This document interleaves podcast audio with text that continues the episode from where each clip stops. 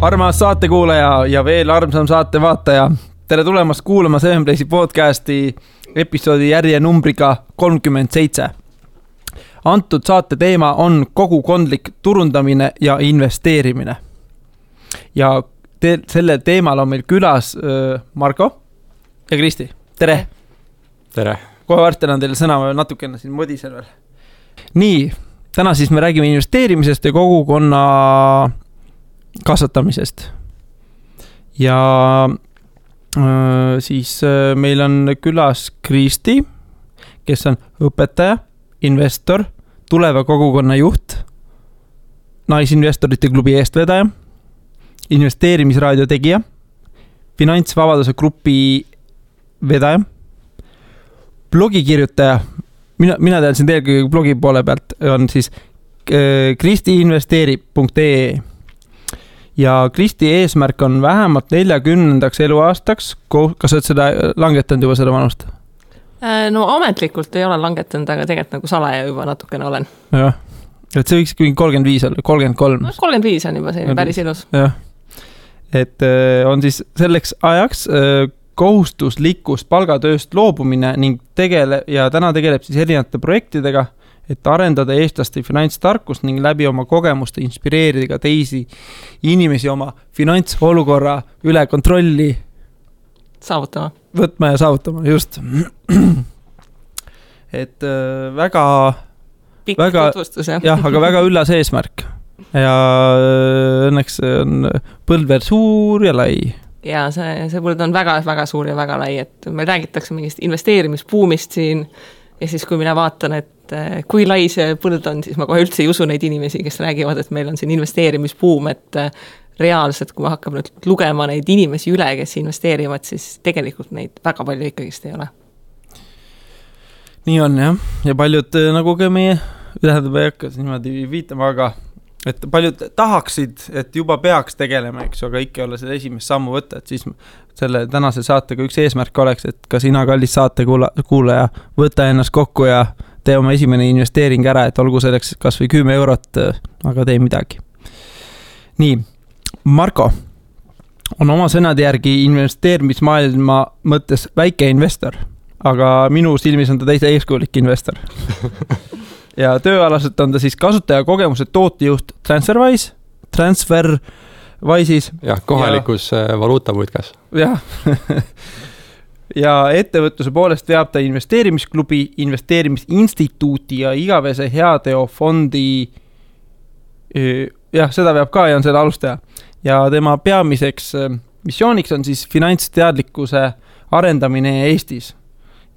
Ehk siis te võiksite väga, te teete koostööprojekte ka päris palju vist? no me natuke ikka teeme jah visioon on sama? jah. visiooni te kumbki ei maininud selline visioon ja missioon on tavaliselt äh,, käivad käsikäes. jah, seda küll. ja missioonist on lihtsam aru saada võib-olla, et Eesti kontekst, kui me räägime finantsteadlikkuse tõstmisest ja arendamisest Eestis, seda on võimalik ka numbritesse panna, et me teame umbkaudu, kui palju on finantsteadlikke inimesi Eestis. Ja, ja me teame, kui palju on tööealisi inimesi Eestis, et siis on see missioon on nagu saavutatav. kui me räägime visioonist, et äh, finantstark Eesti ja kõik, kõik muud asjad, siis äh, seda on natuke raskem äh, niimoodi hoomata, et siis sellest on äh.... kui igaüks investeeriks, mis siis saaks? Ma arvan, et äh, ei ole mõtet muretseda sellise asja üle, see on seesama koht, et kui kõik inimesed sööksid tervislikult ja kõik sõidaksid jalgrattaga ja, ja kõik inimesed oleksid ausad ja head, et noh, need on mingid Ongi sellised, noh, kahjuks need on sellised natukene utoopilised asjad, et päris nagu sada protsenti kõik ei ole. Äh, see oleks muidugi väga-väga tore, aga iga asja levikuga noh, alguses võtab päris palju energiat, enne kui mingi asi läheb massidesse ja massidesse siis lõpuks jõuda selleni, et see, see viimane inimene ka seda teeb, et äh, on selline noh, see on võib-olla selline, ma ei tea, saja viiekümne aasta visioon. siin on võib-olla üks illusioon on see inimestel see, et tegelikult kõik enda arust investeerivad ju, maksavad ju makse ma arvan, et selline kohustuslik sammas, eks. investeerimine jääb selline inimpsühholoogia sinna varju või inimpsühholoogia on see põhjus, miks paljud ei investeeri, miks investeerivad, et nagu igal pool mujal majanduses ka, investeerimine on ikkagi vastutuse võtmine ja omaniku staatuses olemine ja kõik, paljud ei ole nõus äh, vastutust võtma enda eest või siis ka oma lähedaste eest, et siis rääkimata sellest, et nad äh, on nõus äh, siis riigi eest või ettevõtete eest vastutust võtma, ole, olema nende omanik. et inimpsühholoogia paneb hästi palju siin paika. Enne kui me läheme saate juurde siis Marko, ma laseks sul teha ühe äh, reklaamlause. et äh, mulle väga endale see heateo äh, fond meeldib, see kontseptsioon on nagu minu arust kihvt, et äh, Äh, mis see on ja kuidas see toimib ja kuidas sellega saab liituda? Väga hea küsimus, et mul on siin vaba eetriaeg nüüd natuke reklaami teha et äh, kuna ma investeerimisest olen huvitunud pikka aega ja, ja tegelenud ka selle investeerimisega, siis tegelikult kõik minu ettevõtmised ja tegevused äh, siis omavad mingis mõttes sellist investeerimismõtlemist enda, enda sees, näiteks ettevõtluses. Ma olen väga poolt sellisele liikumisele, et alati osa tulust sa investeerid ettevõttes ka ära nii et äh, siis ettevõte saab olla jätkusuutlik ja saab mingi hetk oma kulusid siis katta teenitud tulust. ja, ja mingi hetk äh, siis tekkis äh, noh, kuna investeerimisega hea tava käib kaasas ka alati hea, hea tegemine või heategude tegemine, siis me tegime juba väikse sõpruskonnaga investeerimisklubiga heategusid. rohkem inimesi tundis selle vastu huvi, tundus, et, et peaks siis seda nagu organiseerima, seda tegevust natukene ja, ja lõimegi selle MTÜ mille nimi alguses oli investeerimisklubi heategevusfond, hiljem muutsime selle igaveseks heateoks, äh, mis annab siis paremini edasi võib-olla seda mõtet, mis me sellega teha tahame. ja, ja võtab selle investeerimisklubi sealt äh, kontekstist välja, sest tegelikult see on mõeldud nagu kõigile, mitte ainult investeerimisklubi liikmetele. nii, nüüd ühe lausega, mis see on et äh, igavene heategu on siis äh, hea, heategevusfond, mis äh, ei tee äh, heategusid ainult siis äh, annetustest, mis on kogutud, vaid äh, ta investeerib annetused madala riskiga ja teeb siis heategusid saadud tootlusest, mis võimaldab siis sellel äh, heategevusfondil teha heategusid igavesti mm. -hmm. jube kihvt minu arust et põhi, põhimõtteliselt, kui lihtsalt võtta, et kui Kristi nagu äh, panustab sinna fondi näiteks tuhat eurot kokku oma näiteks aasta-kahe aasta jooksul ja, ja fondi siis selline tootlus on ütleme hästi lihtsalt, numbrites oleks lihtne vaadata, on kümme protsenti, siis äh, kümne aastaga põhimõtteliselt on see äh, raha juba tagasi nii-öelda heategudeks tehtud ja ülejäänud üheksakümmend aastat siis teeb sinu raha ikka veel head, et buy, pay, selline payback period on nagu, on, on tootlusega paigas, et igavesti head teha. nii et Jaan, Jaan, ma jään sinu. mingi veebileht? jaa, igavene heategu.ee see natukene naljakas, igavene hea, aga see on nali. ei no see on tõsiasi, et ja. Äh, tundub naljakas, aga tegelikult on reaalne, et mm. Jaan, ma ootan sinu, sinu panust siis sinna. jah, jõulud on käes, ai. tähendab, jõulud olid ära nii, igavene hea, jah, et kunagi ei ole hilja teha annetust, et pole vahe, mis, äh, pole vahet, mis aeg on. nii minu enda kogemus investeerimises on olnud, on, on olnud suhteliselt hektiline, et ma olen sihuke, et äh, vahest on nagu veits raha üle ja siis paned jälle suurema hunniku nagu, noh, suurema hunniku, suhtelise, mis igapäevaselt, eks ju. et panen ruttu nagu kõrvale, eks ju, või soetan midagi, et et, et äh, olen mõne ajaga endale soetanud USA väärtpabereid, Eesti väärtpabereid, oma nüüri kinnisvara kui ka siis viimasel ajal ka, mitte viimasel ajal, õnneks päris ammu juba oma krüptovaluutad. et ähm, ja, ja viimase aja kõige uusim mõte on tulnud äh, äh, ühelt lõunasöögilt, kus siis äh, räägiti metsa ostmisest. üks tuttav siis ostab metsa päris palju kokku ja see tundus niisugune järgmine samm, mida tahaks teha, et kui krüptohullus mööda läheb, et ostaks metsa et tunduks midagi reaalset. midagi maiset. jah. vot ja, ja jah, et ühesõnaga investeerimine on selline asi minu arust, millega peaks iga inimene, vähemalt meie saate kuulaja, kes on võtnud endale selle aja ja seda saadet kuulata või üldse kuulab ennast äh, harivaid, loodetavasti, või meeltlahutavaid saateid, et siis tegelege investeerimisega, et see tasub ära. kuidas sul investeeringutega läheb siis, jah? ma pean tunnistama, et kõik, mis ma olen teinud, on ultrarohelised mul on kuidagi vedanud, aga need on jah et äh, mul on olnud head äh, nõuandjad, et kindlasti see on üks viis, kuidas võib-olla alustada, küsida kellegi käest. et mu kõige esimene investeering oli Facebooki aktsiad kunagi ammu, et see on täitsa tore, aga nii. viimane asi, enne kui ma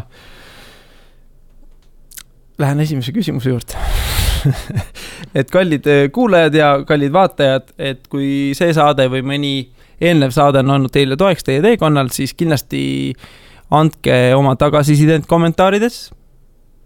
või jagage seda saadet oma sõpradel või rääkige lihtsalt oma sõbrale, et kuulake enne seda värki, et investeerige. ja nii ongi. miks te teete seda, mida te teete? sest äh, meeldib, põnev on, et äh, noh, muidugi sa pead täpsustama seda küsimust, et äh, need asjad, mida ma teen, neid on mitmeid erinevaid, aga investeerimise puhul üldiselt äh, see investeerimise idee, et äh, sa saad enda elu muuta, et sa võtad midagi ette, sa saad enda elu üle suurema kontrolli ja suurema vabaduse ja sa saad äh, läbi selle, et sul endal on suurem kontroll ja suurem vabadus, saad rohkem ühiskonda panustada ja, ja ja huvitavamaid asju teha, siis äh, ma arvan, et küsima peaks pigem see, et äh, miks kõik inimesed ei tee seda, mida meie teeme. jah see, see on mind, ma olen selle peale palju mõelnud ja ma olen jõudnud erinevate vastusteni sellele küsimusele. kui ma alustasin, siis oli ilmselge, et tahaks, et oleks rohkem raha, et siis tundus, et investeerimine on ju mingi raha tegemine ja see oli nagu päris alguses. siis natuke edasi mõeldes sellest tekkis küsimus, et miks ma seda siis tõesti teen, siis jõudsin väga kiiresti arusaamale, et et meil aeg on piiratud siin maailmas ja ainuke viis siis, kuidas nii-öelda aega juurde saada, on siis midagi passiivselt kasvama panna, siis raha kasvama panna ja siis see aitab sul siis põhitöölt nii-öelda mingis osas siis ära tulla ja teha neid projekte, mida sa tegelikult tahad teha, et sa ei ole nii-öelda kohustatud. ja kõige viimati ma olen jõudnud siis sellise mõttekäiguni, mis on siis natukene veel edasi jõudnud sellest, on see, et objektiivsus on minu jaoks hästi oluline. et, et ma olen aru saanud läbi nende mitme aasta, kus ma olen investeerinud, kui on tekkinud passiivne rahavoog, mis on sama suur kui su põhisissetulek näiteks või suurem, siis sul tekib hoopis teistsugune maailmapilt äh, ja sa oskad asju hoopis teistmoodi hinnata, sa oskad riski hoopis teistmoodi hinnata kõikides eluvaldkondades. näiteks risk sellest, kui ma nüüd äh, töö kaotan, mis ma siis teen et enamus, kui, kui sellist puhvrit ei ole ehitatud ja kui ei investeeri, siis see hirm on väga suur ja ja töölt ära tulemine tundub nagu võimatu tegevus näiteks, kui see on kellegi huvi, et ta tahab ära tulla, kui ta teeb midagi, mis talle ei meeldi. ja, ja see investeerimine, see puhver ja passiivne sissetulek äh, aitab sul objektiivsemalt otsuseid vastu võtta ja need otsused on tavaliselt sellised, mis tõesti on vastavalt sinu unistustele või sinu soovidele. et sa ei tee midagi sellepärast, et ühiskond nagu sunniks sind tegema. et äh, täiesti see avardab sellise maailma, millest sa võib-olla alguses isegi aru ei, noh, ei oska ette kujutada. päris hea. kuidas te igapäevaselt enda öö, igapäevases elus siis öö, kasutate sotsiaalmeediat? mina olen see inimene, kes vist elab sotsiaalmeedias. Äh, see ei ole isegi võib-olla teadlikult nii kujunenud, aga äh, kui mina investeerimisega alustasin suurusjärgus viis aastat tagasi ja kui ma otsisin teisi mõttekaaslasi, siis oli, ütleme ikka väga must maa. et äh, need suured Facebooki grupid, mis praeguseks olemas on, ühtegi neist ei olnud selleks hetkeks veel äh, loodud äh, ja igasuguseid selliseid blogisid ja noh, Twitterit ja, ja kõiki muid asju, kus nüüd keegi väga infot nagu jagaks, et noh, neid tegelikult üldse Eestis ei kasutatud.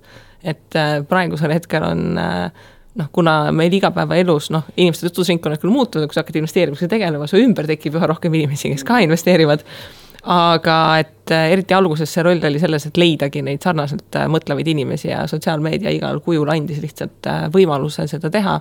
et ühendada inimesi, kellega igapäevaselt kokku ei puutu ja, ja just sellist ähm, julgustust saada, et kuskil on need teised hullud ka mm, -hmm. kes mõtlevad samasugustele asjadele, et, et siis läbi sotsiaalmeedia oli, oli lihtne nende inimestega niimoodi virtuaalselt kokku saada. on sul mingi lemmikplatvorm ka endal? Äh, ma olen vist see äh, vanakooli igav inimene, kes Facebooki kasutab üle kõige vist.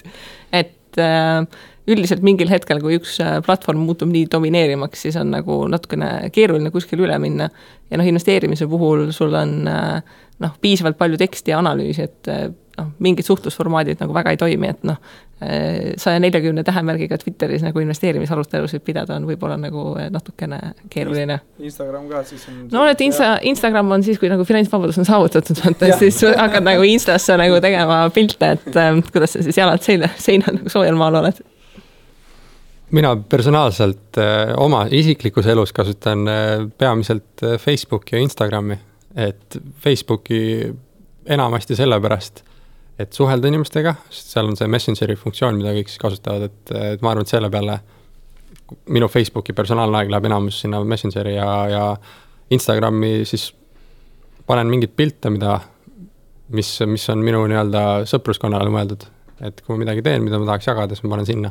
et Facebooki ma siis nagu kõiki pilte ei pane, et seal on rohkem, Facebook on rohkem seo-, seotud selle ettevõtlusega või investeerimisklubiga, et et kui minnagi investeerimisklubi juurde, siis äh, üks tark mees kunagi ütles, et äh, ära jää lootma ainult ühele platvormile, et siis, kui see platvorm muudab reegleid või midagi kaob ära, siis äh, ka sinu kogu ettevõtmine ja, ja kogukond kaob ära, et siis me oleme paralleelselt nagu ehitanud üles kõiki platvorme, kuigi muidugi Facebook on nii-öelda meie kõige domi-, dominantsem või kõige selline avalikum koht. Investeerimisklubiga, lisaks sellele oleme päris nii-öelda aktiivselt üle, olemas ka Instagramis, et inimesed näeksid, mis seal kogukonnas toimub, sest see on selline noh, ühine tegevus, et siis näitame pilte, kes on kogukonna liikmed, millised on üritused, jagame mõtteid seal. LinkedInis on meil olemas siis oma konto, et inimesed saaksid, kes on liikmed, saaksid endale märkida LinkedInis oma profiili peale ka, et olen selle kogukonna liige. et siis see aitab teistel ka võib-olla leida seda Youtube'is on meil äh, kanal, kus, mis on, mis on minu meelest ainuke investeerimisalane eestikeelne videokanal. ja muidugi podcast on olemas, kui see sotsiaalmeedia alla läheb. ja, ja, ja siis kodulehte ikkagi kasutame ka kõikide ürituste registreerimiseks ja, ja blogide panemiseks, et siis proovime hoida sellist hajutatust, et, et, et kui üks koht ära kaob, siis meie kogu ettevõtmine ei kao üldse ära mm..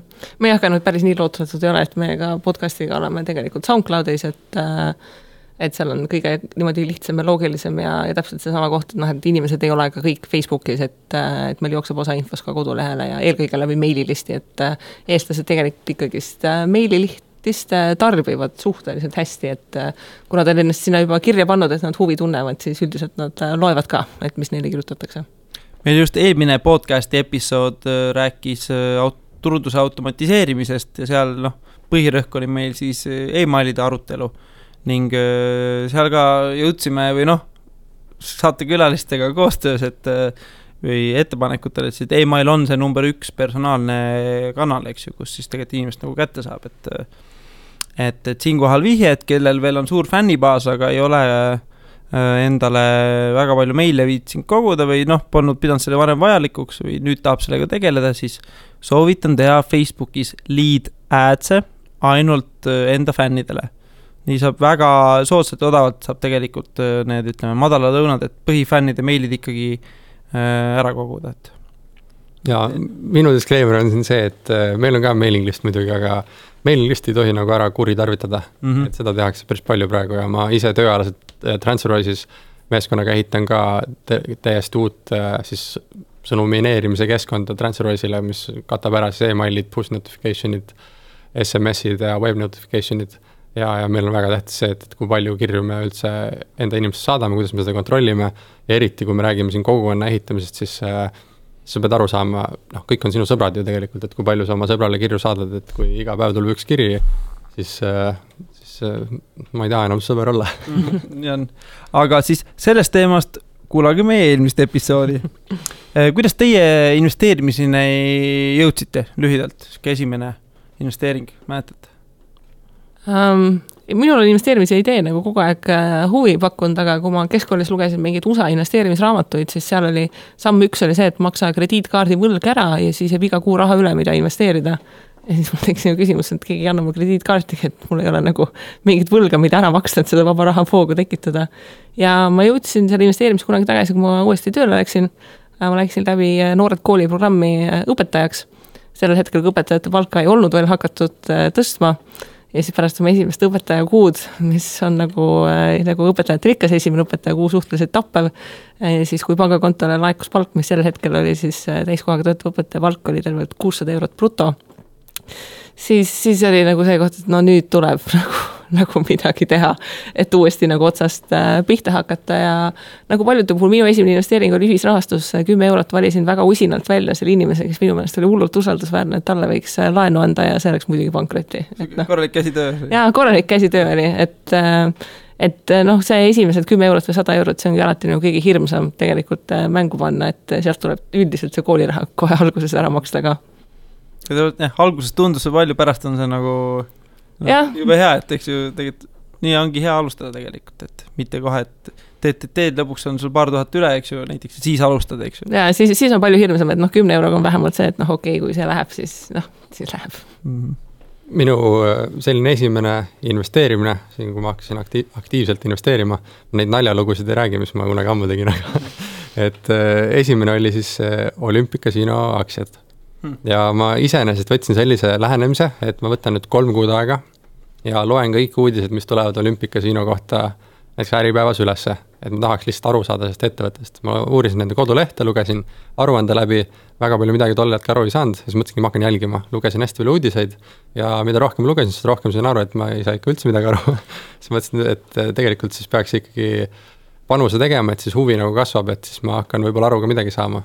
Ja siis tükk aega panin selle, õppisin välja, õppisin ära, kuidas aktsiate ostmine käib, tuli tikker panna sinna sisse, see OEG tikker, äh, ja siis tuli koguse panema, palju sa osta tahad, valida, mis turult sa ostad seda, et nad on mitmel turul ka seal, valisin Tallinna turu ja ja siis äh, ei vajutanud enterit veel, kümme korda kontrollisin üle, kas numbrid on õiged, mm -hmm. see on nagu esimese, esimese pangamakse tegemine, et kui kontrollid seda IBAN-i koodi mitu korda üle, on ju. kes mäletab, kunagi hästi ammu oli, et ei julgenud raha saata, siis mõtlesin, et kaob ära kuhugile mm. -hmm. sama oli aktsiatega ja siis lõpuks võtsin julguse kokku ja vajutasin siis selle osta nupu peale ja siis tõusin arvuti juurest püsti, käed püsti ja kõndisin kööki, mõtlesin, kurat, aktsionär nüüd aktsiad on äh, siiamaani alles, kusjuures. Äh, kui vana sa olid siis, tohib küsida? ei, see ei olnud nagu nii ammu, see oli, ma ei, täpselt kuupäeva ei tea, aga ma arvan, et see oli kaks tuhat kolmteist aasta jaanuar kohe alguses. et ma ei teagi, mis nüüd möödas on. viis aastat. viis aastat, päris palju vist muutunud aga aktsia on siiamaani alles, ostsin äh, üks üheksakümne viiega -hmm. ja, ja panin paika kriteeriumi. Panin, noh, ma seda sain, sellest sain aru, et sa paned paika kriteeriumi, kuna sa maha müüd ja kuna sa siis äh, juurde ostad, siis ma panin, et juurde ostan alati siis, kui aktsia hind langeb alla selle üks üheksakümne viie. ja, ja siis ostan juurde ja maha müün siis, kui ta on kaks null kuus sest et see oli viimaste viie aasta nagu tipp oli kaks null kuus, mõtlesin, kui sellest mööda läheb. aga viie aasta jooksul ei ole sellest üle läinud. kogu aeg juurde ostnud äh, mingi hetk ma sain aru, et juurde ka ei ole mõtet enam osta, et dividendi aktsia muidu? dividendi aktsia jah, et, et kuus-seitse protsenti on maksnud, et äh, võib selle nostalgilise tehinguga rahul olla tegelikult alustan alati mõistetest, et mida teie peate investeerimiseks ja mis see ei ole investeerimine? Nii. Kristi, palun. sõnastiku definitsioon palud õpetajalt ähm,. vot see on nüüd hästi hea küsimus, sest et inimesed mõistavad seda investeerimist nagu väga erinevalt, et see sõnastiku definitsioon peaks just olema see, et, et sa paigutad raha mingisse varasse, mis, mille väärtus siis suureneb ja läbi selle midagi teenid aga nüüd seda investeerimise definitsiooni annab igasse suunda tegelikult venitada, et investeerida saab endasse või haridusse või siis täpselt nendesse varaklassidesse, et äh, sõltub, kust nurga alt keegi vaatab mul on tegelikult suhteliselt äh, range definitsioon olemas, mis ma finantsmaailmas mõtlen, mis see investeerimine siis tähendab, sest et äh, me tegelikult võrdleme kahte asja, üks on spekulatsioon ja teine on investeering. seletan lahti mm. -hmm. spekulatsioon on siis selline tehing, kus sa panustad raha, teadmata, kui palju sa vastu pärast saad et sa panustad raha ja sa loodad, et see kasvab, see tehing see investeering iseenesest, sa saad rohkem tagasi. ehk see on spekulatsioon. investeering on siis selline tehing, kus sa panustad raha ja sel hetkel, kui sa panustad, sa tead juba, kui palju sa tegelikult sealt äh, tagasi saad suure tõenäosusega. ütleme mitte sada protsenti, aga väga suure tõenäosusega, näiteks äh, pika ajalooga dividendiaktsiad võivad olla selline investeering, sest nad on maksnud läbi viiekümne aasta samasugust dividendi, kui sa investeerid, sa tead, mis on see dividendtootlus vähemalt Äh, või siis on igasugused erinevad lepingud nagu laenulepingud või võlakirjalepingud, kus on äh, lepingus kirjas, kui, suur on see tootlus, mis sa siis selle investeeringuga saad, et siis investeering sellises kontekstis on see, et sa juba tead, mis rahavoogu sul tulema hakkab. ja spekulatsioon on see, kui sa panustad, lootes saada lihtsalt rohkem, aga täpselt ei tea. korraks tahtsin öelda Bitcoin, aga. spekulatsioon aga mm, mis ei ole nagu, ma lihtsalt, kui ma oma lähe, lähiümbruskonda, seltskonda motiveerin investeerima, siis äh, paljud, ah, ma investeerin seda raha parem iseendasse, eks ju, lähen lõunamaale, eks ju, et kas ähm, ehk siis mõte on see, kas investeering on alati siis rahaline? nagu sa ütlesid, kas rahaline mingisugusesse varaklassi? et no. kui, et mis ma ütleksin selle vastu inimesele? mitte vastu, aga noh, et äh, ei no oma tervisesse on äh, alati väga tore investeerida, aga, aga investeeringul peab olema ka tootlikkus, et äh, kas selle tagajärjel, et inimene rohkem puhkab ja rohkem oma tervisesse panustab, et kas, kas selle tõttu siis nagu toimub midagi tema elus ka, et, et kas ta teeb midagi rohkem, kas tal on rohkem energiat, ta teebki rohkem tööd või õpib rohkem või mis iganes, et noh, see, see investeerimise puhul see idee on see, et sul on nagu mingi tegevus ja sellel on nagu mingi reaktsioon, mis tuleb mm. järgi. et see, et ma lihtsalt Äh, kõlgutan jalga soojal maal, võib-olla nagu investeerimise isegi laia definitsiooni alla on nagu natukene, natukene, natukene keeruline nagu paigutada. et inimesed kasutavad sõnu nii, nagu tegelikult tahavad ja endale on võimalik kõik ära põhjendada. Et siis äh, see, ma investeerin iseendasse või investeerin lastesse või noh, võid öelda ju, mida sa tahad, aga see tegelikult, ma arvan, et inimesed saavad ise aru, et et mis nad siis täpselt teevad et kui mina, kui Kristi ütles, et investeerid siis oma tervisesse, siis mina võin samamoodi öelda, et äh, ma ostsin endale uued äh, tossud, et joos-, jooksu minna, et ma ei pea ütlema, et ma investeerin oma tervisesse nüüd ja mm -hmm. ootan sealt tootlust, et et kui investeerimine spe- ja selline spekuleerimine ja finantsturgudel tegelemine on, siis ma kasutaks neid definitsioone, investeerimine äh, ja spekuleerimine ja raha paigutamine ja, ja mujal maailmas siis ma ei tea, kasutaks, ise kasutan mingeid muid sõnasid, siis näiteks tervise puhul lihtsalt panustan oma tervisesse. Äh, hoolitsed enda eest? hoolitsen enda eest, olen, olen terve inimene mm, -hmm. et ei, endal on võimalik kõik ära põhjendada, aga mis ei ole investeerimine, oli see küsimus mm. -hmm. ma arvan, et äh, investeerimine ei ole siis endale äh, inglise keeles äh, liability'te ostmine või kohustuste ostmine eesti keeles siis mm. -hmm. et paljud ajavad sedasi asja, et nad ostavad mingi kohustuse endale nagu tarbeeseme, mingi auto või siis, või siis ostavad endale elamise, mis mm -hmm. on mhm. tegelikult nende noh, ongi liability või kohustus mm -hmm. ja siis kutsuvad seda nagu varaks yeah.. et siis see ei ole investeerimine, et tegelikult tuleb aru saada, mis on siis kohustus ja mis on vara meie kuulajatele, et äh, kes on see, kes peaks sellega tegelema? investeerimisega? jah. ma arvan, et äh, kõik inimesed võiksid selle sihiks võtta. et äh, mõistlik oleks ju, kui sa terve elu teed noh, üldperspektiivis enamik inimeste elu näeb välja selline, et nad terve elu teevad tööd ja siis lähevad üks hetk pensionile et äh, tasuks ju selle tööelu jooksul midagi sellist teha, et tegelikult peaks natukene vähem tööd tegema mm.. nõustun täiesti, et kõik võiksid ju äh, midagi tallele panna, et, et hiljem oleks äh, lihtsam. jah, ja võib-olla ka mitte see, et äh, vähem tööd tegema, noh, mul on oma elukaasa hullult vaielda sel teemal, et mulle meeldib see töö, mida ma teen, ma olen hästi tänulik, et ma saan seda, mida teha, aga just see, et äh, kui ma mingi hetkel võib-olla tahaks äh, teha korraks midagi muud, eks ju, et siis mul on see objektiivne võimalus, eks ju, valida oma uusi tegevusi. et ma ennast nagu mittetöötavana, võib-olla praegu räägin seda, aga ei, ei, mulle meeldib nagu see, mis ma teen, eks ju, et jah, aga vaata, seal ongi see koht, et äh, asi, asi ei ole niivõrd selles, et mittetöötamine, eks ju, et inimestel on kui inimesed ei, ei, kui neile ei meeldi oma töö, siis nad kujutavad ette seda finantsvabadust, et nagu noh, kell kukub ja nüüd nagu raha tuleb ja nüüd nagu noh, pliiats kukub ja kohe on esimese lennukiga minemas, et noh, idee ongi pigem selles, et sa töötad nende finantsidega selleks, et sa saaksid juba praegu ehitada endale sellise elu, et sa ei taha selle elu juurest ära põgeneda. aga, aga ütleme, ma olen väga palju inimestega suhelnud, kes ütlevad ka, et neile tegelikult väga meeldib nende töö äh, ja, ja kui nüüd ikkagist sageli küsida, et kui keegi annaks sulle täpselt sama summa raha ilma, et sa peaksid tööle minema, kas sa siis läheksid ka tegelikult äh, viis päeva nädalas, kaheksa tundi päevas tööle? ja millegipärast siis nagu väga paljud inimesed ei ütle tegelikult jah selle peale enam, mis sest, et neile ju väga meeldib nende töö. see ongi see, tegelikult on kohustus, et äh, noh, sul on kindel aeg, kus sa pead seal olema, kindel noh, et kui sul contract on või leping on, siis sa oledki seal ju nii kaua, kui sul seda lepingut enam ei ole.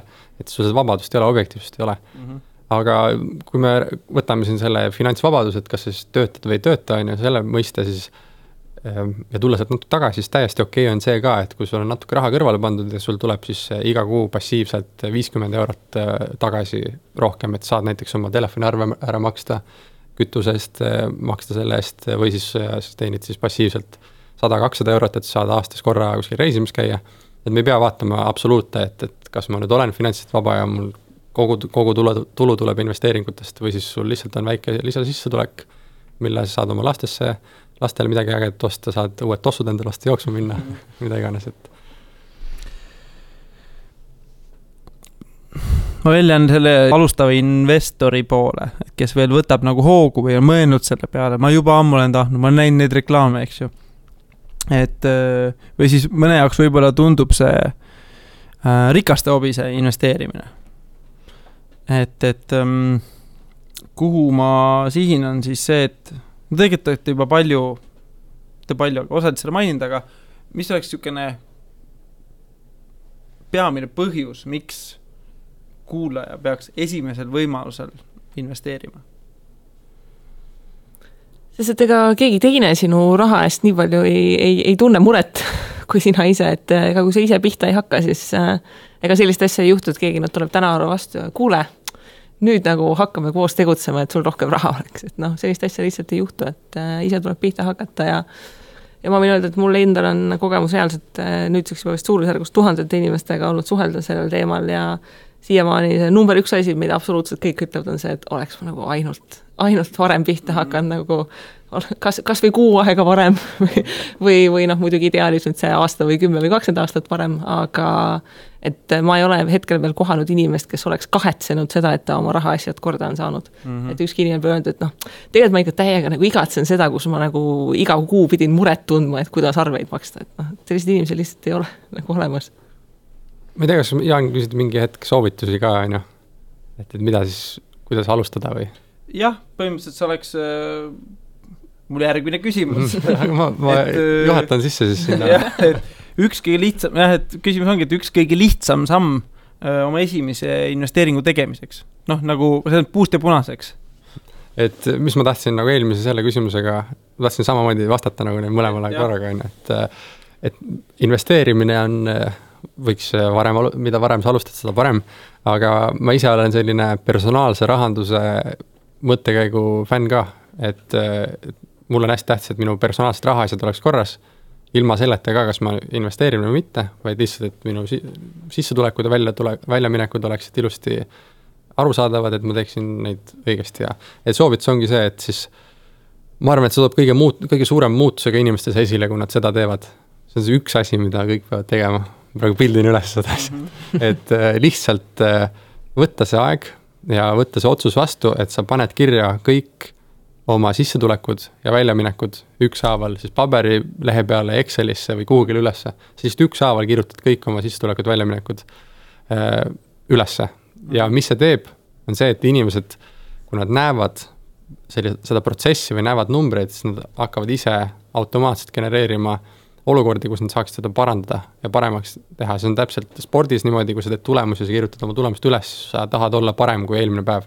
Sama on juhtimises, ettevõtte juhtimises, kui sa kirjutad tulemust ülesse, sa tahad olla järgmine päev tiimiga parem, kui sa olid eelmine päev, eelmine kuu. et lihtsalt äh, võtke kaks kuud, kirjutage kõik ülesse ja, ja ma arvan, et selle kahe kuuga juba teil on kümme protsenti rohkem raha alles ja sealt äh, saame rääkida sellest, et äh, saab seda kuhugile ära paigutada ja investeerida jah, et siis ei ole see, et mul ei ole raha, vaid siis sa saad aru, et ei osta seda mõttetut asja ei no mõni inimene tegelikult noh, ma olen seda eelarveharjutust ka inimestega läbi teinud, mõni inimene jõuabki tegelikult järeldusele, et tal ei olegi raha, see on ka täiesti võimalik, et kui sissetulekud ongi väga väikesed ja kulud väga suured. et tulebki äh,, vaatad sellele paberile otsa ja, ja hakkadki mõtlema, et kust ma nüüd saaksin vähem kulutada ja kust ma saaksin tegelikult rohkem nagu juurde teenida aga see Marko pakutud harjutus äh, tegelikult lisaks sellele, et sul tekib see ettekujutus, et kuhu see raha läheb. Äh, mina ütleks, et number üks asi, mis inimesi tegelikult takistab, ähm, on see, et inimesed äh, kujutavad ette, et nad peavad hullult palju mingeid asju oskama selleks, et investeerida, et ma nüüd pean hullult mingit matemaatikat oskama ja ma pean suutma suurepäraselt mingeid börsianalüüse lugeda ja kõike muud. ja tegelikult see ei ole nii, et tegelikult see number üks oskus, mis sul vaja on, on tegelikult distsipliin mm. -hmm. see kõige lihtsam distsipliin, et kui see raha, mis sul tuleb sisse et äh, sa natukene mõtled, enne kui sa seda kuskile kulutad, et sa mõtled, et kas see asi on seda väärt, kas ma maksan selle eest õiglast hinda. ja, ja see kõige parem distsipliiniharjutus on see, ma arvan ka selline äh, finantstarkuse kuldvara, see pay yourself first, et siis äh, kui sul mingi raha kontole laekub, siis kõige esimesena sa maksadki iseendale, ehk siis sa panedki selle kuskile säästukontole ära, et sa ei kuluta seda ära ja sealt edasi saad sa siis mõtlema hakata, et mida sa selle rahaga tegelikult teed et ähm, mina ise praegusel hetkel väga aktiivselt eelarvet enam ei pea, aga see on ikkagist nagu uskumatult äh, uh, uskumatu, et kui lihtsalt see eelarve tegelikult nagu lappama läheb, et sa ise nagu mõtled küll, et sa oled nagu hullult nagu mõistlik ja siis aeg-ajalt ikkagist vaatad nagu mingi tšekk üle, et nagu tegelikult ka ma nagu ei tahtnud päris nii palju seda raha kulutada. ma olen vist äh, oma eelarvet üles kirjutanud rida-rida haaval äh, neli, üle nelja aasta järjest, et mul on neli aastat iga kulutus põhimõtteliselt üles kirjutatud ja ma olen selle nelja aasta jooksul kaks kuud olen võtnud sellist, kus ma ei kirjuta seda ülesse. et lihtsalt näha, kui hästi ma suudan intuitiivselt äh, siis eelarvet pidada ja säästa, siis mõlemad korrad äh, see, kui ma kirjutan asju ülesse, üks kuu versus see järgmine kuu, kui ma ei kirjuta, siis nende minu säästu, säästmise siis summa vahe on äh, kümme protsenti sissetulekust vähemalt, et sinu intuitiivne taju siis kulutab kümme protsenti rohkem kui see, kui distsipliin igaks juhuks küsin siia, et Marko, kas sul on või Kristi, kas sul on mõnda head Äh, Exceli põhja, template'i, mida võiks näiteks äh, panna saate kommentaarides, mida inimesed saaks alla laadida. et mul on endal üks aastaeelarve puhul, mis ma teen ka niisuguse nagu noh, mängu, et kuhu ma nagu lihtsalt prognoosides, eks ju, et kuhu ma võiksin, kui palju kulutada, eks ju, noh, niisugune robustne, eks ju. et, et äh, mis aitab kas või mingi esmase eelarve, kas sul on endal mingi niisugune siis ku-, igakuise kulutuste peal mingi hea põhi äkki? mul on üks imeline tabel et seda ma kõigi, ma olen selle ise ehitanud siis nelja aasta vältel, et mm. enda asju paremini jälgida. investeerimisklubi liikmed eh, enamus kasutavad seda ja, ja ma hea meelega jagan siis kõigile kuulajatele okay? ka, seal on, eh, boonus on see, et, et iga kuu saad üles märkida ja ta lõpuks siis näitab sulle aasta koondnumbreid ka, et sa näed, kuidas mm -hmm. see mhm. aasta on siis edenenud või, või alla läinud, et ma kasutan seda väga efektiivne, jagan ma annan ka ühe nutisoovituse, kes, inimestele, kes ei taha, kellele väga Excelid ei meeldi, siis on äh, Spendee äpp. ta on üsna mõnus, töötab nii iPhone'i kui Androidi peal väga hästi, et ma ise tegin ka mingi kolm kuud vist, aga peale, läks nagu, peale seda jah, läks lappama, aga see andis mulle ikkagi väga hea ülevaate sellest, et äh, Jaan ei söö nii palju väljas, et absurdsed summad läksid sinna, et äh, mõtlesin küll, et noh, viis eurot ju või noh, niimoodi, aga kui kui see viis eurot on hommik, äh, lõuna, õhtu ja, ja niimoodi väga palju, nojah, see selleks. okei okay. Eestlaste seal, seas on vist kuus kuni seitse protsenti väärtpaberite omanikke või, kuskilt lipsas niisugune number välja, on see nii umbes? võib suhteliselt realistlik olla, kui vaadata väärtpaberikontode omanike hulka. ja seal on kaks äh, vist tegurit, no ütleme, et lihtsalt, et äh, taustaks, üks on see, kui paljudel on väärtpaberikonto ja siis kui paljud on viimase aasta jooksul mingi tehingu teinud või kahe aasta jooksul ah,. Okay, yeah. et siis äh, kontode omanike arv võib olla kuus-seitse ja ma arvan, et aktiivseid, kes on teinud, on kuskil kolm protsenti mm.. Aga kuidas meil on lood võrreldes naabritega? sõltub, kellega võrrelda. kui me, eestlaste lemmikad, kui me nüüd lätlaste-leedukatega võrdleme, siis me saame nagu rind kummi ja oh, meil on nagu päris äh, okei okay,, et seal äh, ma olen siin ka paari Lätist huvilisega kokku saanud, kes on ka uurinud just, et kuidas Lätis saaks nagu käivitada sellist investeerimiskogukonna nagu ideed aga, aga kui me nüüd hakkame vaatama nagu äh, meie põhjanaabritele, kes äh, meil eeskujuks on, siis nende investeerimistraditsioon on, on ikka märkimisväärselt teistsugune kui meil. Et seda saab vaadata ka Soome börsi aktiivsusnumbrite ja, ja väärtpaberi omanike arvu järgi, et, et seal see traditsioon, et, et ma ostan ja hoian ja, ja pärandan isegi, on ikka märkimisväärselt sellise pikema ajalooga, aga noh, meie äh, poliitilist ajalugu vaadates pole midagi nagu parata, meil on lihtsalt seal viiskümmend aastat auku investeerimiskultuuris, et selle järgi tegemine noh, võtab, võtab aega. Rootsis äh, just oli mingi, on see number läbi käinud, et Rootsis omab üheksakümmend protsenti elanikkonnast mingisugust investeerimistoodet. Mm.. Üheksakümmend protsenti elanikkonnast, et äh, see ilmselt on siis seotud mingite siis pensioniga või mingite muude instrumentidega ka, aga ikkagi märkimisväärne mm. -hmm. et on veel kõvasti minna. ikka just, kõvasti kui ma seal investeerimisklubi sündmustel, sündmusel käisin, siis ikka mul oli väga positiivne näha, et nii palju huvilisi oli et, et väga äh, kihvt. Jah, et me oleme, see missioon, mis meil on ka, et finantsteadlik Eesti, siis me vaatame, kui, kui, kui kaugele me oleme investeerimisklubiga selles jõudnud. Ähm, selline grupp on olemas nagu Finantsvabaduse grupp Facebookis, mis siis enamasti ühendab kõiki selliseid finants mm -hmm. ja investeerimishuvilisi väikeinvestoreid või finantshuvilisi lihtsalt. ja seal on, grupis on, ütleme, viisteist tuhat inimest mm, -hmm. praegu natuke rohkem tööealistest inimestest on see viisteist tuhat inimest äh, kaks koma viis protsenti. Mm. ehk et aktiivselt sellised huvilised Eestis on äh, kaks koma viis protsenti tööealistest inimestest. investeerimisklubis siis käib null koma viis protsenti kogu siis äh, Eesti inimestest, et numbrid on piinlikult väiksed tegelikult aga, aga kui selles mullis sees olla, selles kahe koma viies protsendis, siis tundub küll, et noh, et kõik tegelevad ju, kõik kaks koma viis protsenti, aga suuret, suurt pilti vaadata, siis mis need ülejäänud äh, üheksakümmend seitse koma viis protsenti teevad? küsiks vahele niisuguse mõtte ka, et äh, kui nüüd investeerimisega tegeleda, et ma ise olen vaadanud, et mind ennast on hulluks ajanud viimselt see krüptopalavik, eks, ja, ja olen nagu mõt-, et niisuguse liiga palju võib-olla oma sellest töö või mingi vabast ajast veedan siis äh, äh selle kohta lugedes, uurides ja, ja, ja, ja toimetades, et äh, et, et see on mulle nagu, nagu niisuguse lisaärevuse tekitanud või? et enne magamaminekut mõtled veel korra üle asjad, et et, et või siis kuulsid jälle uus coin on, eks ju, et aga mitte krüptodest rääkima, ehk siis mis on mõistlik aeg investeerida investeerimisesse, et kus see piir nagu läheb no eks alguses ole paratamatu, et seda aega läheb päris palju lihtsalt sellepärast, et alguses on nii palju asju, mida sul ikkagist on vaja õppida. et äh, kui sa valdkonnast midagi ei tea, siis äh, võtad esimese raamatu ette ja siis avastad sealt umbes viiskümmend terminit, mis tegelikult on vaja selgeks saada ja siis tekib nagu viiskümmend küsimust veel juurde, et nagu kuidas see käib või, või mis asi see on. aga mina ise olen pingutanud selle nimel, et mu portfell oleks üles ehitatud nii, et kui ma üks kuu otsustan, et ma tegelikult üldse ei viitsi tegeleda, siis ma arvan, et tunni ajaga kuus haldaks selle portfelli ära. et idee ei olegi ju selles, et see investeerimine oleks sul nagu lisatöökoht, kuhu sa pead oma aega kulutama, et noh, kui ta on sul hobi ja sa seda naudid, see on nagu teine asi. aga idee on ikkagi sellest, et endale vaba aega ja vabadust juurde tekitada, mitte, mitte stressi ja, ja rohkemat tööd ma soovitan igalühel äh, siis mõelda välja, kui palju aega nad soovivad sinna panna. kui see on hästi huvitav sinu jaoks, näiteks nagu krüptovaluuta mingi hetk oli sinu jaoks jäänud, siis, äh, siis võid sinna rohkem aega panna, kuna see huvitab sind. Äh, mind huvitab ka igasti investeerimine ja Excelite tegemine ja siis ma panen sinna võrdlemisi palju aega.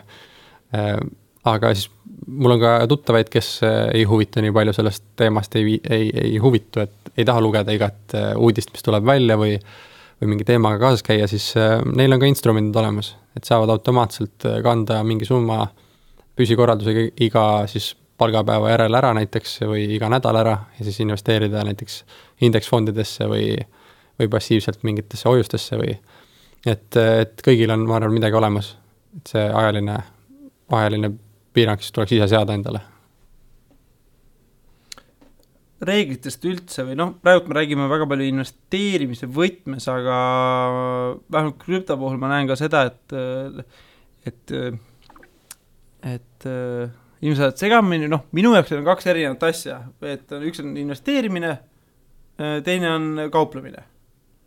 et ja siis ma näen, et inimesed, kes nagu mul on väga palju tuttavaid, on tublid ja tulnud nagu pan-, panustanud ka krüptosse või noh, kas nad on tublid olnud, seda näitab aeg aga, aga nagu panustanud sinna, aga nad äh, hakkavad seda kohtlema kui nagu treidimist, eks ju, mitte nagu pane ja oota, eks ju, pikaajalise eesmärgiga, aga noh, et eile langes ja täna tõusis ja et nad, see nagu muutub ärevaks siis selle inimesed, et äh, mis reegleid te soovitaksite niisugusele alustavale ette, alustavale investorile?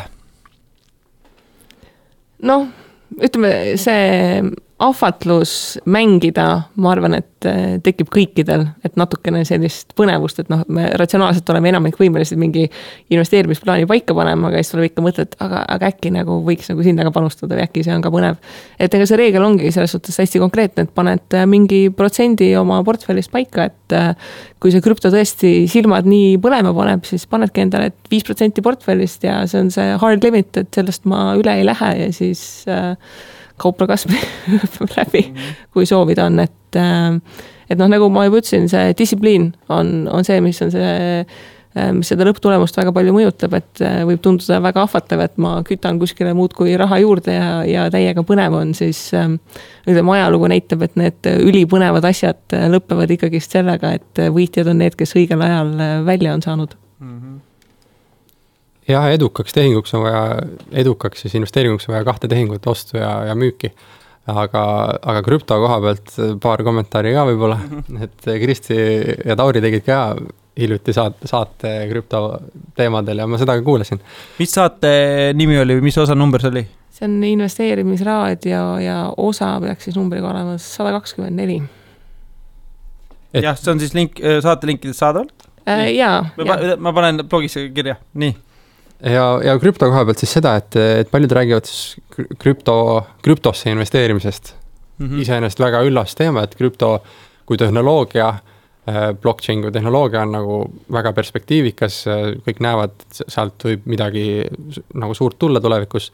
aga siis investeeritakse Bitcoini näiteks, mis on ainult äh, üks viis või üks selline teenusepakkuja, kes kasutab äh, blockchain'i, et siis enda teenust pakkuda ja siis kõik räägivad krüptovaluutasse investeerimisest, aga tegelikult investeerivad Bitcoini. ja Bitcoin iseenesest siis nagu seal Kristi saates ka välja tuli, suudab siis äh, praegusel hetkel äh, äh, protsessida kaheksa siis tehingut ühe sekundi jooksul. ja, ja samas, kui vastupanuks oli Visa ja Mastercardi süsteemid, mis protsessivad siis tuhandeid makseid või tehinguid siis ühe sekundi jooksul, siis kui, kui sinna süsteemi siis investeerida, siis äh, siis investeeritakse nagu noh, keegi, siis me peaksime rääkima, et kas sa investeerid siis sinna Visa ja Mastercardi sellesse platvormi või sa investeerid blockchain'i äh, kogu tehnoloogiasse, mitte et sa investeerid siis ühele, ühe, ühesse teenusepakkujasse, kes seda tervet platvormi kasutab. et ma soovitaks siis jah, sellesse kuidagi tehnoloogiasse nii-öelda panustada, mitte siis ühte teenusepakkujasse ainult äh, ja kelle eluiga võib päris lühike olla et selline kõrvalpõige sellest äh, krüptomaailmast, et siis aru saada, mis see fundamentaalne on, et kas sa, mhm. kas sind huvitab see tegelikult see tehnoloogia või sa lihtsalt äh, sõidad mingi ühe teenusepakkuja lainega kaasa, äh, mis on siis väga riskantne, nagu investeerimiseski, kui me räägime, see on hästi palju riskidest sõltuv, et risk on siis suur, kui sa invest-, paned kõik oma raha ühte kohta. et loeme rohkem või saame aru fundamentaalidest ja kuidas need asjad töötavad ja ma arvan, et äh, tehnoloogial on suur tulevik. väga hea, aitäh, ma teeksin sellega nüüd niisuguse väikse vahepala äh, Marko soovilooga, mis on siis äh, mis on küll siis playlist lausa, et mulle endal väga mõnus seda playlist'i kuulata, kuulata ja, ja selle saatel siis küsimusi kokku panna. Et ähm,. Disclaimer'ina ma ütlen ka, et see playlist on siis äh, midagi, mis ma leidsin Youtube'ist ja seda, see, kes selle kokku pani, tema siis äh, ne,, nemad enam aktiivset playlist'i ei tee, et see on selline hästi paljud kommentaarides, kommentaarides ka igatsevad, et nad teeksid uusi playlist'e. Mm.. aga siis, kui mina mingi playlist'i leian, see on tunniajane, siis ma kuulan selle nii-öelda ribadeks, et siis seda ma olen kuulanud, ma arvan, äh, sadu kordi ma olengi ise suur äh, mixtape'ide või no ütleme, pikkade listide fännid, et äh, ei jaksa iga kolme või nelja minuti tagant uut lugu leida. ma olen hästi halb äh, lugude ja, ja autorite teadja ka, et ma, mul ei ole üldse nimed meeles ja ma ei vii midagi kokku, et siis mulle meeldib ka pikk playlist, mõnus funk ja mm -hmm, päris hea on tööd teha selle saatel. ma olen hästi vedanud, et äh, iga saatekülalisel on mõnus muusikamaitse. Et läheb päris hästi. ja olen pannud siis äh, Seven Playsi konto alt, äh, võite näha siis saatekülaliste Mussi lugusid playlist'iga siis, mis see nimi oli, et Get Work Done või midagi taolist, hea töö Mussi playlist on siis Youtube'is. kas tohib küsida, et ma olen ka ennem kuulanud su podcast'is, sa tõid selle kontseptsiooni sisse, et sa neid lugusid mängid mm. -hmm. aga mis selle siis mõte on või, või miks sul tekkis idee neid lugusid siia sisse tuua äh,? idee sain ma äh, Mihkel Sillaotsa käest, kes teeb äh, raadiosaateid ja, ja siis ütles, et neil on ka intervjuud, aga ikkagi noh, raadios nad toovad selle mussi juurde, et see on nagu osa sellest. ja, ja sellest sai see ühe korra proovitud ma vaatasin seda, et äh, inimesed avanevad siis täitsa teistmoodi. ja, ja kuna mul on teid, äh, võib-olla te ei tule siia enam saatesse, võib-olla tulete aasta pärast, et aga et üks võimalus siis teiega niimoodi intervjueerida ja teid tutvustada ka tegelikult äh, siis podcast'i publikule. et siis ma loodan, et see avab mingi teise vaatenurga teie kohta kui inimestest ikkagi inimesed. kas ma vahepeal olengi kuulanud seda, seda saatet ja siis sa paned selle muusika taha mängima ja siis me tegelikult plärisime siia peale, et seda muusikat väga teinekord ei kuulegi, et ma olen mõtelnud, et tahaks natuke kuulda ka.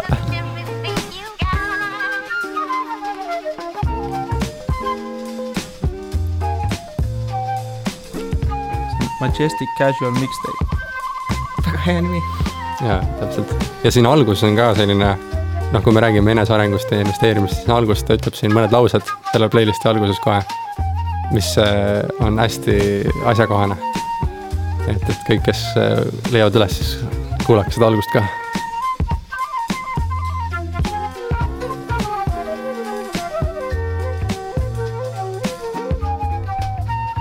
Jaanil pea käib igastahes